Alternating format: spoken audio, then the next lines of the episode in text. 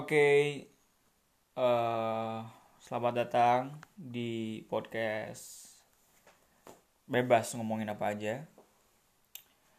Dan pada podcast yang sekarang aku mau cerita tentang perjalanan hidup secara khusus mengenai apa ya selera musik sesuai tajuknya selera musik itu penting ada beberapa poin yang aku kira bisa nantinya bisa dipetik, bisa direnungkan, kemudian semoga bisa bermanfaat untuk kehidupan kalian.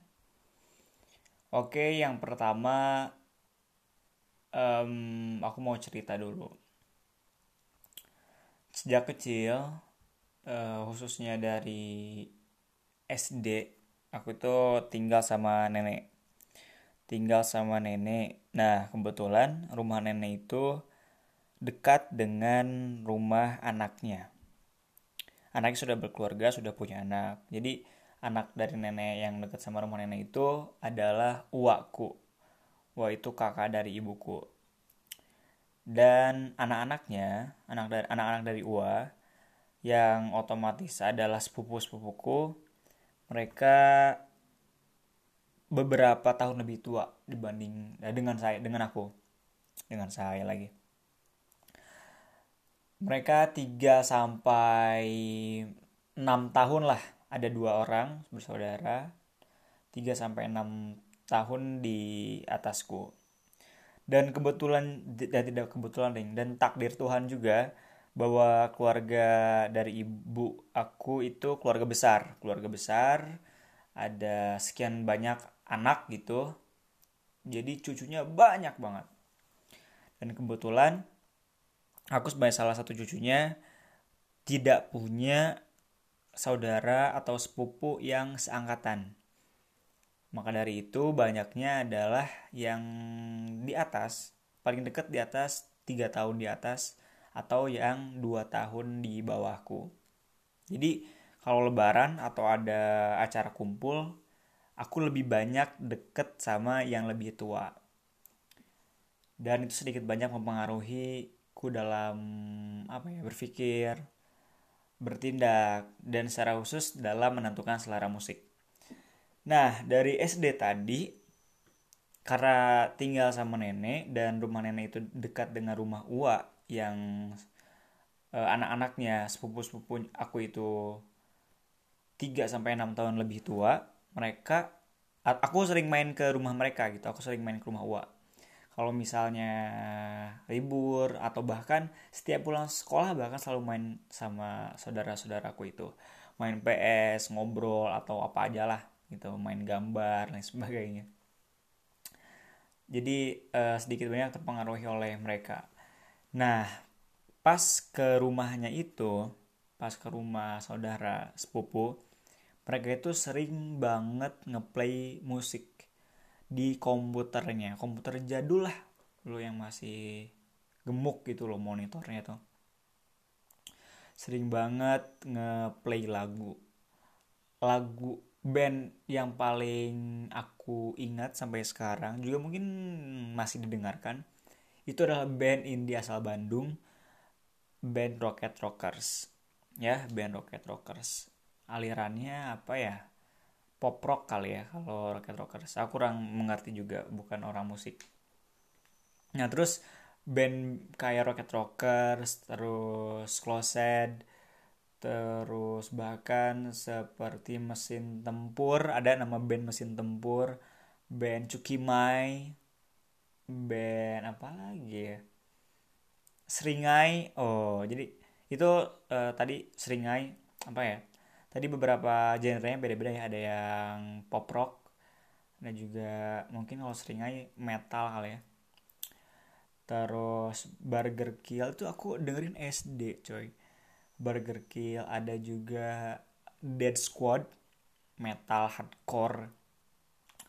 Ada juga apa lagi ya? Coil. Terus pernah uh, kalau itu dari dalam negerinya kalau dari luar negerinya dengerin Slipknot zaman SD Nah, semua itu dikonsumsi dari dengaranku ketika berngop apa ya, bercengkrama atau dengan maksud bermain, tapi secara tidak sengaja mendengarkan lagu-lagu dari mereka.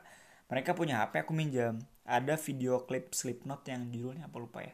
Dan aku di situ kayak ngerasa wow gitu kayak uh, keras banget kan. Dan pakai topeng kan kalau Slipknot jadi itu cukup membekas dalam memoriku sampai sekarang gitu. Jadi kalau sekarang juga lihat di YouTube Slipknot ya itu ada apa ya uh, long term memory kayak bahasa psikologinya. Entah benar atau enggak jadi uh, ingatan masa lalu yang sampai sekarang masih bisa diingat bagaimana uh, detail gambarnya gitu gambarannya. Kayak tadi keseringai Burger Kill ada juga B-side misalnya band band dalam negeri entah dari mana asalnya yang alirannya tadi beragam ya misalnya dari rock rockers misalnya pop rock gitu atau burger kill metal core metal hardcore. Sebenarnya juga uh, sedikit yang aku tahu itu ada perpaduan gitu ya misalnya ada pop rock ya atau misalnya uh, rock punk gitu punk rock kayak misalnya Rosemary atau marginal band-band gitu. Band yang istilahnya menyuarakan atau menggugat kemapanan gitu. Perlawanan lah gitu.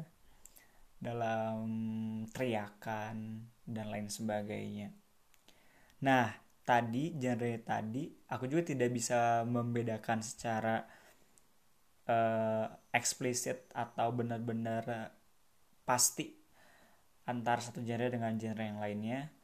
Rock itu misalnya punk rock punk metalcore atau banyak sebenarnya uh, aliran-aliran setelah apa ya setelah aku mencoba membaca dan mengetahui gitu, mengenali aliran-aliran musik ternyata banyak banget dan ada yang irisannya. Atau misalnya buah dari uh, genre satu dengan genre dua menjadi genre tertentu dan sebagainya.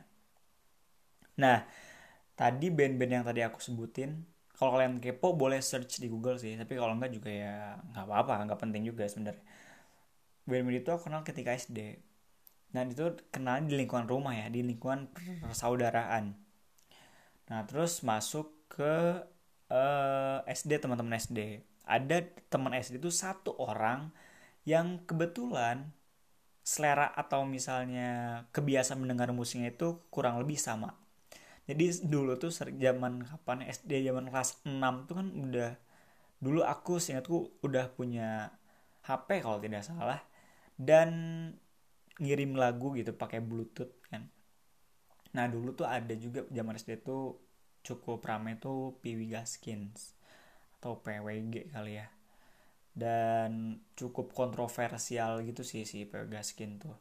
Lupa kenapa ya dulu ya. Setiap perform tuh kadang si uh, penonton tuh ngasih jari mid finger ke uh, si PWG entah kenapa. Terus itu jadi semacam bahan diskursus atau obrolanku dengan saudaraku ketika aku pulang ke rumah. Kenapa sih? Padahal aku pribadi waktu itu seingatku aku suka gitu ya.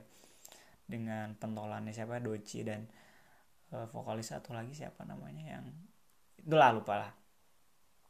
Nah di SD dari bocah tuh udah begitu gitu ya. Udah ngedengerinnya kayak lagu begituan.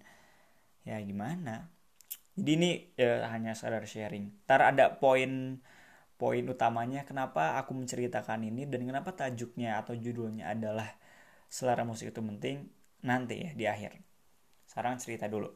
Nah itu SMP terus lanjut ke SMA nah di SMA eh kok SD ke SMA SD saya maaf maaf. SD SMP SD SMP di SMP uh, ketem di nah pas SMP aku tidak lagi tinggal bersama nenek. Nah pindah lah. Singkat cerita pindah. Maka dari itu tidak lagi sering berkunjung dan bergumul dengan saudara sepupu yang pada awalnya tadi cerita biasa ngedengerin lagu gitu. Nah di SMP karena tidak biasa berkumpul bersama mereka hanya waktu-waktu tertentu doang jadi interaksiku dalam tanda kutip dengan lagu-lagu itu terkhususnya dengan lagu yang keras agak sedikit uh, luntur lah ya. Bahkan bisa dikatakan sama sekali tidak gitu. Sedikit lah. Nah tapi di SMP lagi-lagi ketemu teman yang uh, selera musiknya bisa dibilang lebih dari um, siapa ya dari saudaraku kalau misalnya beragam deh ada beberapa orang tapi satu orang teman SMP yang mungkin sampai sekarang detik ini di Instagramnya masih biasa bisa biasa apa ya nge-share soal musik gitulah. Yang selera terhadap musiknya cukup keras gitu. Dia dengerinnya tuh lagu aku Suicide Silence band metal yang scream bener-bener gila gitulah. Terus dengerin apa lagi SMP tuh bandnya itu terus yang lebih slownya mungkin Bring Me The Horizon terus uh, Metallica tuh SMP Megadeth SMP apalagi ya Mr. Big ya Mr. Big tuh nyanyi sama teman-teman tuh nyanyi lagu Mr. Big terus Aerosmith. Nah apa lagi ya? Apa lagi ya? Udah kali segitu. Itu kalau band luarnya tuh kalau SMP band dalam negerinya Rosemary waktu itu masih inget tuh Rosemary pernah nonton itu Rosemary pernah ke SMP terus manggung gitu. Acara ngenalin produk apa gitu Rosemary sebagai bintang tamunya udah kali segitu doang.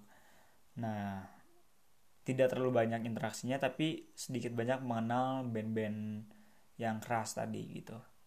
Terus SMA SMA lanjut ya SMA SMA banyaknya aku bertransformasi menjadi pribadi yang berbeda. SMA tuh cukup aktif apa ya organisasi ikut ikut ikut ini ikut itu gitu banyak kegiatan diikuti. Jadi jadi nggak terlalu dengerin banyak lagu gitu atau musik. Nah tapi yang uniknya lagi dipertemukan dengan teman yang selera musiknya eh, oke okay, gitu masuk dengan selera musikku. Itu kalau nah di SMA aku kira jauh lebih slow dan lebih asik gitu musikalitas lagunya bisa dinikmati lah gitu ya nggak nge-scream atau hardcore banget gitu. Nah di SMA mulai suka dan ngikutin lagu-lagunya The Beatles uh, Oasis gitu. Terus apa lagi ya? Arctic Monkey terus Nirvana Rolling Rolling Stones uh, The Eagles juga apa lagi ya? Queen of course Queen. Nah teman teman kelas dulu di SMA tuh ada satu orang yang listnya tuh Queen semua. Yang satu lagi Oasis tapi kalau pribadi lebih deketnya akrabnya ke Beatles. Lebih slow kan sebenarnya dibanding band-band sebelumnya. Di strata pendidikan sebelumnya. Nah itu SMA Terus di perkuliahan sekarang karena kuliahnya di Fakultas Ilmu Budaya yang memang musik itu adalah menjadi bagian dalam seni. Jadi ya otomatis ketemu dengan orang-orang yang menggeluti seni atau seni musik secara khusus secara praktis ya. Kalau aku sebenarnya secara ngedengerin doang tapi main alat musik atau ngerti atau berwawasan berpengetahuan soal musik sama sekali enggak. Jadi yang diceritain di sini based on apa ya real story gitu based on experience tidak apa tidak memosisikan diri sebagai pengamat atau pelaku musik gitu ya seperti teman-teman kuliahku tapi sebagai pendengaran menikmat aja gitu. Nah di kuliah uh, syukurnya e, bertemu dengan orang-orang yang menyukai genre yang sama. Dan tidak jauh atau tidak jauh berbeda band-band yang kami dengar sekarang menjadi apa band waktu SMA tadi kayak Queen kayak Beatles Oasis gitu gitulah kalau sekarang dengarnya gitu gitu ataupun misalnya ada yang band yang baru lahir semacam uh, apa ya Fish gitu teman-temanku juga menggandrungi atau mendengarkan atau sisi tipsi atau The Panturas dari Bandung tuh anak Unpad atau apa lagi ya? Uh, dan lain-lain lah ya dan lain-lain. Nah poin pertama cerita hidupku gitu. Terus kenapa judulnya selera musik itu penting Nah ini baru mau masuk poin kedua. Poin keduanya adalah beberapa, beberapa waktu lalu aku baca sebuah artikel, uh, sebuah esai lebih tepatnya di suatu uh, website yang aku apa ya, yang biasa aku baca lah satu website. Kurang lebih dia cerita tuh si esaisnya tuh cerita kalau dia itu termasuk orang yang pemilih ketika uh, hendak berkencan atau menjalin hubungan secara serius dengan seseorang. Kata si uh, penulis itu. Nah, dia bilang kalau misalnya pada pertemuan pertama mereka udah mulai masuk ke minat atau selera terhadap seni misalnya kalau secara khusus sih si um, penulisnya tuh nyebutin film ya Nah, kalau misalnya di pertemuan pertama mereka bahas film yang disukai, terus terdapat perbedaan kesukaan gitu. Menurut si penulis itu bisa jadi uh, perbedaan terhadap genre film atau musik atau genre seni lainnya itu mempengaruhi kualitas hubungan dan cara pandang, cara berpikir yang berkemungkinan kalau terhadap apa ya atas dasar perbedaan itu bisa melahirkan percekcokan atau bahkan konflik atau ketidakcocokan lah gitu intinya. Nah kata si penulis itu ya. Terus uh, nah penulis itu juga pertamanya nyontoinnya film. Jadi cerita pengalaman uh, kenalan dan proses pendekatan seseorang. Terus pas pertemuan pertama bahas soal film dan ternyata dia ngerasa nggak klik, dia cabut gitu. Dan setelah film dia narik umum ke hal-hal lainnya kayak bacaan lagu dan selera-selera seni lainnya seni ataupun yang lainnya.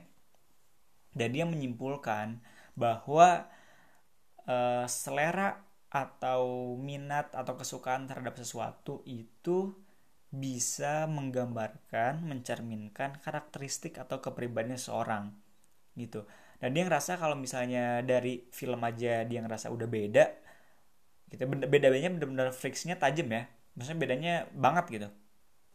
Dia kayak wah kayaknya dia nggak cocok nih sama aku gitu. Kayaknya dia nggak pas deh sama aku. Nah itu poin keduanya setelah baca esai itu. Terus aku refleksikan ke dalam diriku benar nggak? gitu ya. Dan dari apa yang aku rasakan eh uh, ada benarnya juga gitu walaupun tidak bisa dibenarkan secara apa ya eh, sepenuhnya tapi ada benarnya juga kalau apa yang kita konsumsi kita dengarkan kita tonton kita hirup setiap hari itu akan der, apa ya diproses kan? Diproses di pikiran di perasaan juga nantinya dilahirkan dalam rupa dalam bentuk uh, apa tindakan gitu tindakan tak jadi kebiasaan kebiasaan tak jadi karakter. Nah semua itu yang kita konsumsi itu mempengaruhi kan terhadap pembentukan karakter kita. Jadi eh, sikapku terhadap esai yang telah aku baca itu adalah ada benarnya gitu. Dan aku bisa dibilang apa ya eh, setuju ya. Walaupun misalnya bisa diperdebatkan lah atau misalnya bisa didiskusikan lebih lanjut mengenai itu. Tapi setuju dan uh, kalau misalnya ya ada film A kita sukanya film genre action gitu misalnya. Atau suka film yang buat mikir lah katakanlah seperti itu. Terus ketemu sama orang yang suka filmnya drama drama romantis gitu. Atau drama yang penuh dry air mata di filmnya juga uh, mereka tidak suka film yang dalam tanda kutip mikir tadi kan ada perbedaan ya gitu ada perbedaan.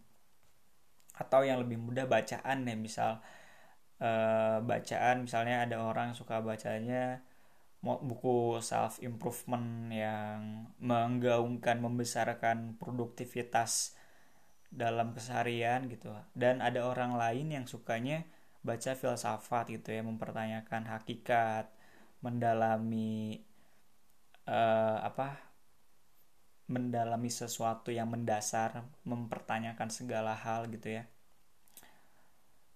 Menurut aku itu akan bener, jadi berbeda gitu pola interaksinya gitu. Bahkan bisa jadi kalau perbedaannya cukup tajam bisa jadi nggak masuk bahkan orang itu ngobrol untuk sekadar ngobrol di talk gitu sampai di talk itu bakal susah gitu jadi selera menentukan uh, apa ya karakter gitu.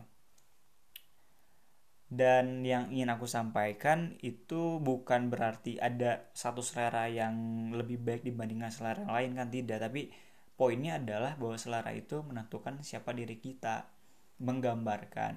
Nah pernah aku nonton uh, videonya Gofar Hilman sama Danila Riyadi yoi.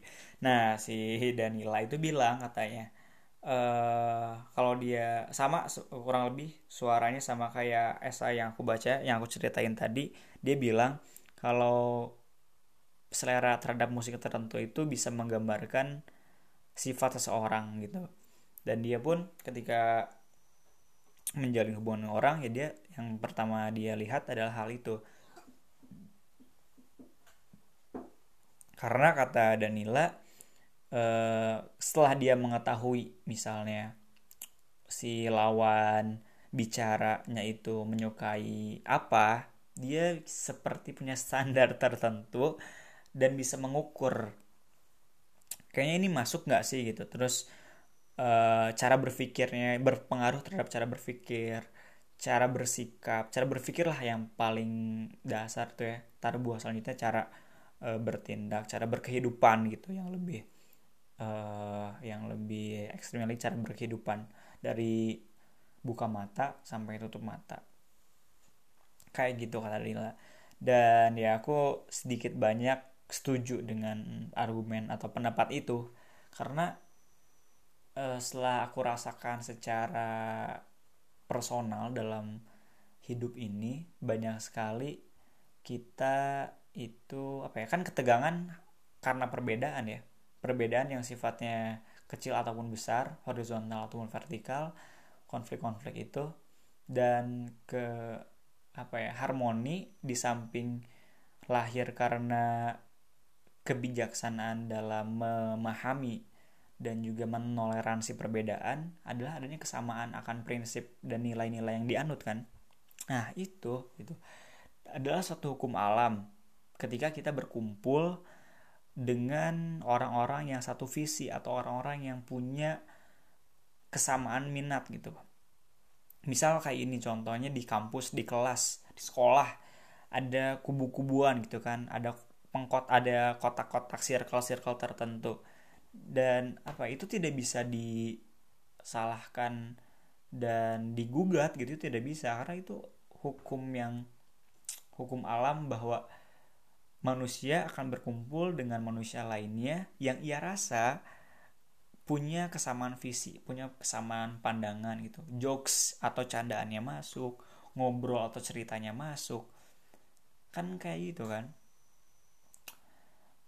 Um, hukum alam gitu yang biasa itu kalau di kelas tuh misalnya di angkatan, weh jangan uh, apa jangan kubu-kubuan dong, nggak bisa, nggak bisa Nah, untuk menciptakan harmoni yang lebih tinggi adalah itu menoleransi perbedaan yang ada untuk ingin masuk ke dalam lingkaran yang lebih luas. Dan kita kan punya lingkaran kecil, lingkaran besar. Lingkaran kecil itu orang-orang yang memang sevisi atau sepandangan dengan kita, yang minat atau yang bisa jadi dan kemungkinan besar memiliki minat yang sama. Kayak gitu. Ya, kayak gitu. Jadi yang ingin aku sampaikan adalah mungkin kurang relate sama judulnya ya. Dan mungkin juga banyak orang yang gak expect aku bahas soal musik karena bukan uh, ahlinya. Tapi ya ini yang ingin aku sampaikan adalah begitu berawal dari pengalaman juga uh, pandanganku terhadap sesuatu yang tentu aku yakin ada manfaatnya lah ini mengenai selera dan uh, bagaimana selera itu bisa membentuk kepribadian kita yang kemudian mempengaruhi pola interaksi komunikasi dan berhubungan kita dengan sesama manusia lainnya gitu.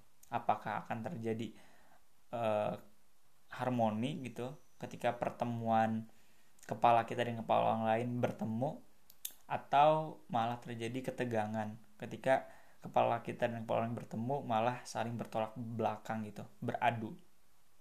Kan sering kayak gitu. Ininya kayak gitulah selera musik itu penting selera bacaan itu penting selera film itu penting selera uh, apa lagi? Selera hal-hal yang lain dalam hal agama selera bisa dibilang ini misalnya selera guru juga misalnya penting. Ada orang yang suka misalnya Ustadz Abdul Somad ada yang suka Ustadz Adi Hidayat ada yang suka Buya ya ya Nisara Islam ya aku ya. Ada yang suka siapa lagi? Ustadz Firanda Andirja. Kan macem-macem kan beda-beda. Dan dalam agama pun aku kira terdapat perbedaan-perbedaan itu eh, baik dalam agamaku Islam ataupun gak agama yang lain.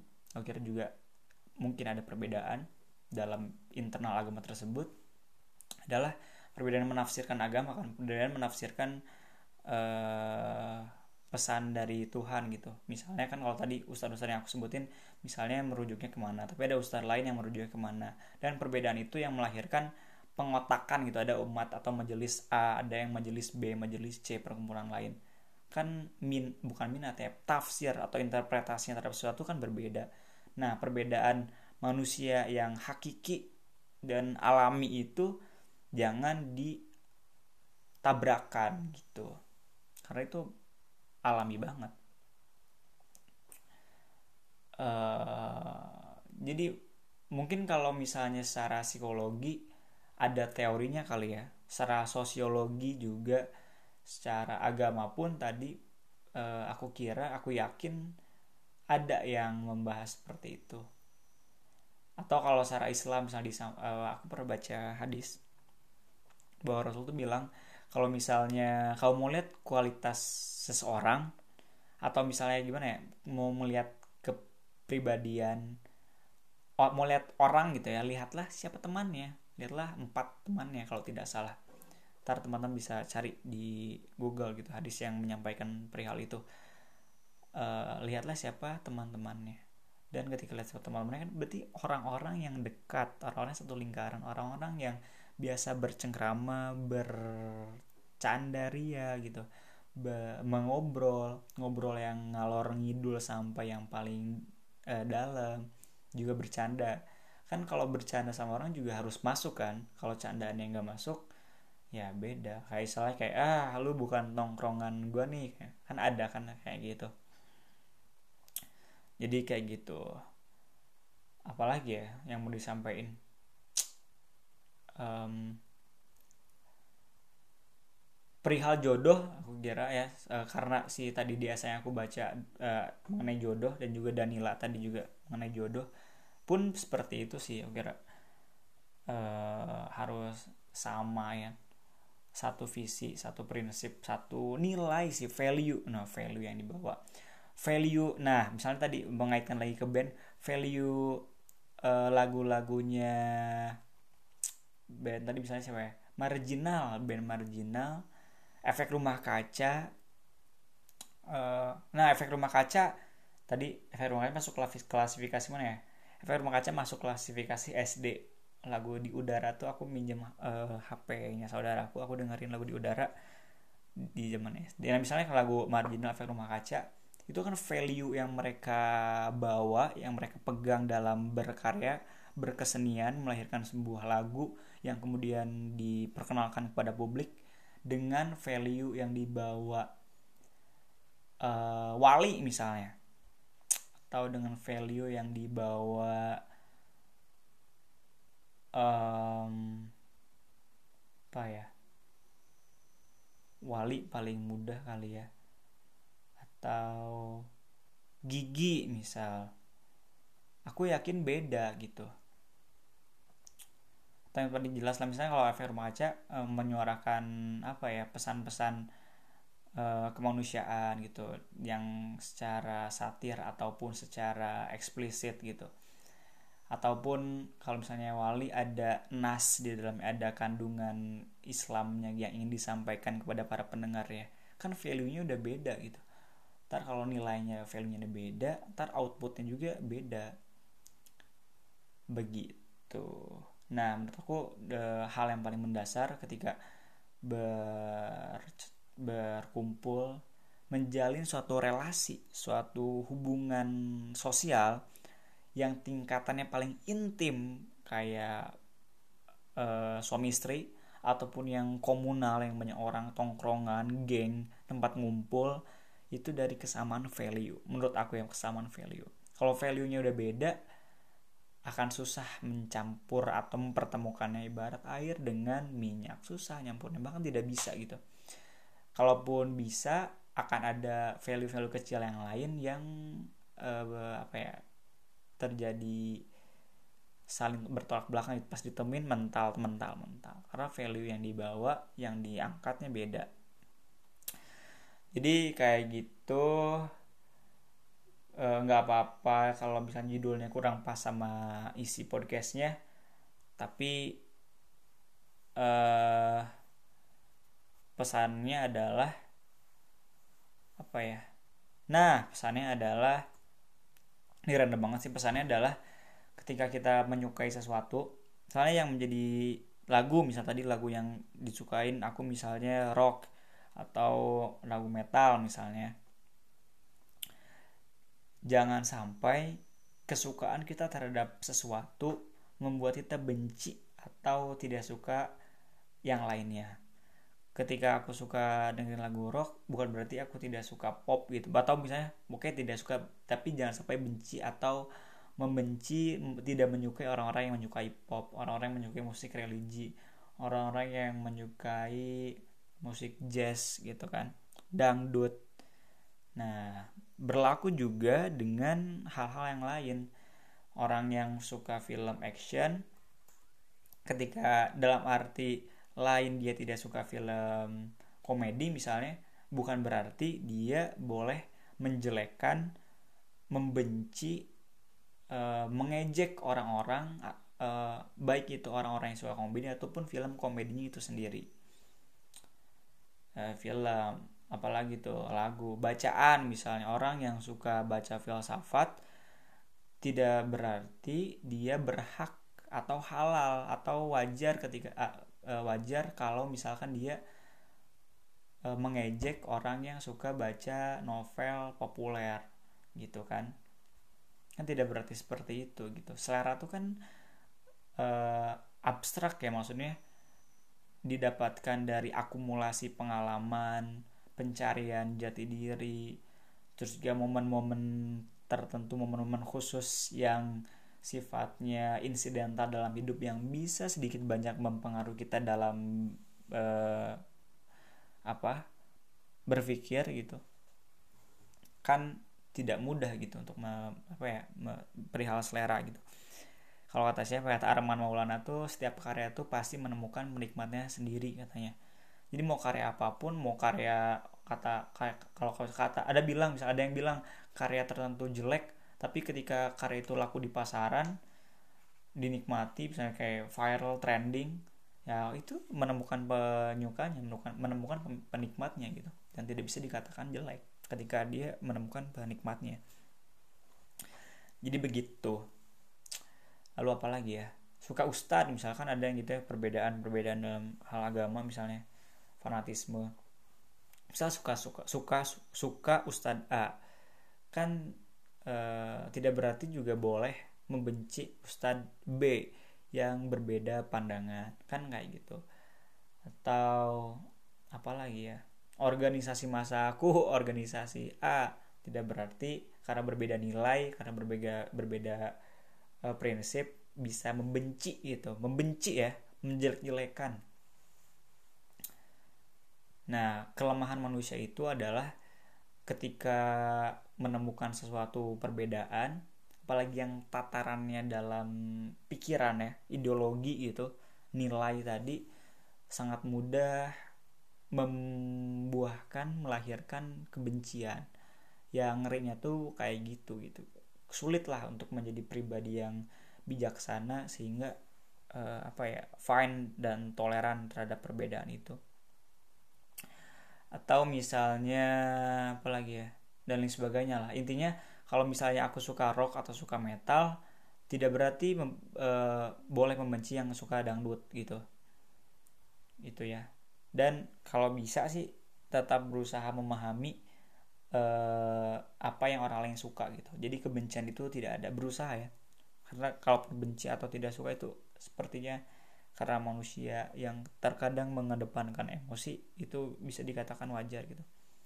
Tapi orang yang bijaksana yang mempertemukan memadukan antara pikiran dan perasaan yang entarnya ngelahirin apa ya kerasa atau kehendak yang mantap gitu itu susah untuk menjadi orang yang bijaksana seperti itu. Jadi begitu. Kan ya problemnya sih para ini ya kayak misalnya baru suka genre musik tertentu nih e, ngerasa diri keren gitu kan lalu ngejelekin genre musik lain. Ngerasa atau baru baca buku A nih dan ngerasa bukunya tuh keren gitu bukunya berat dalam tanda kutip terus ngejelekin karya buku lain. Begitupun hal-hal yang lainnya lah bisa diadaptasi ke diri kalian sendiri-sendiri. Coba direfleksikan ada nggak sih hal-hal yang tadi aku sebutkan yang ternyata kalian temukan kalian rasakan gitu. Gitu ya. Mungkin gitu aja uh, thank you yang udah mau dengerin. Yang setia dari detik pertama sampai sekarang menit ke 37 Oke, semoga bisa cerita opini atau pandangan di next kesempatan dan semoga ada manfaatnya. Makasih banyak ya.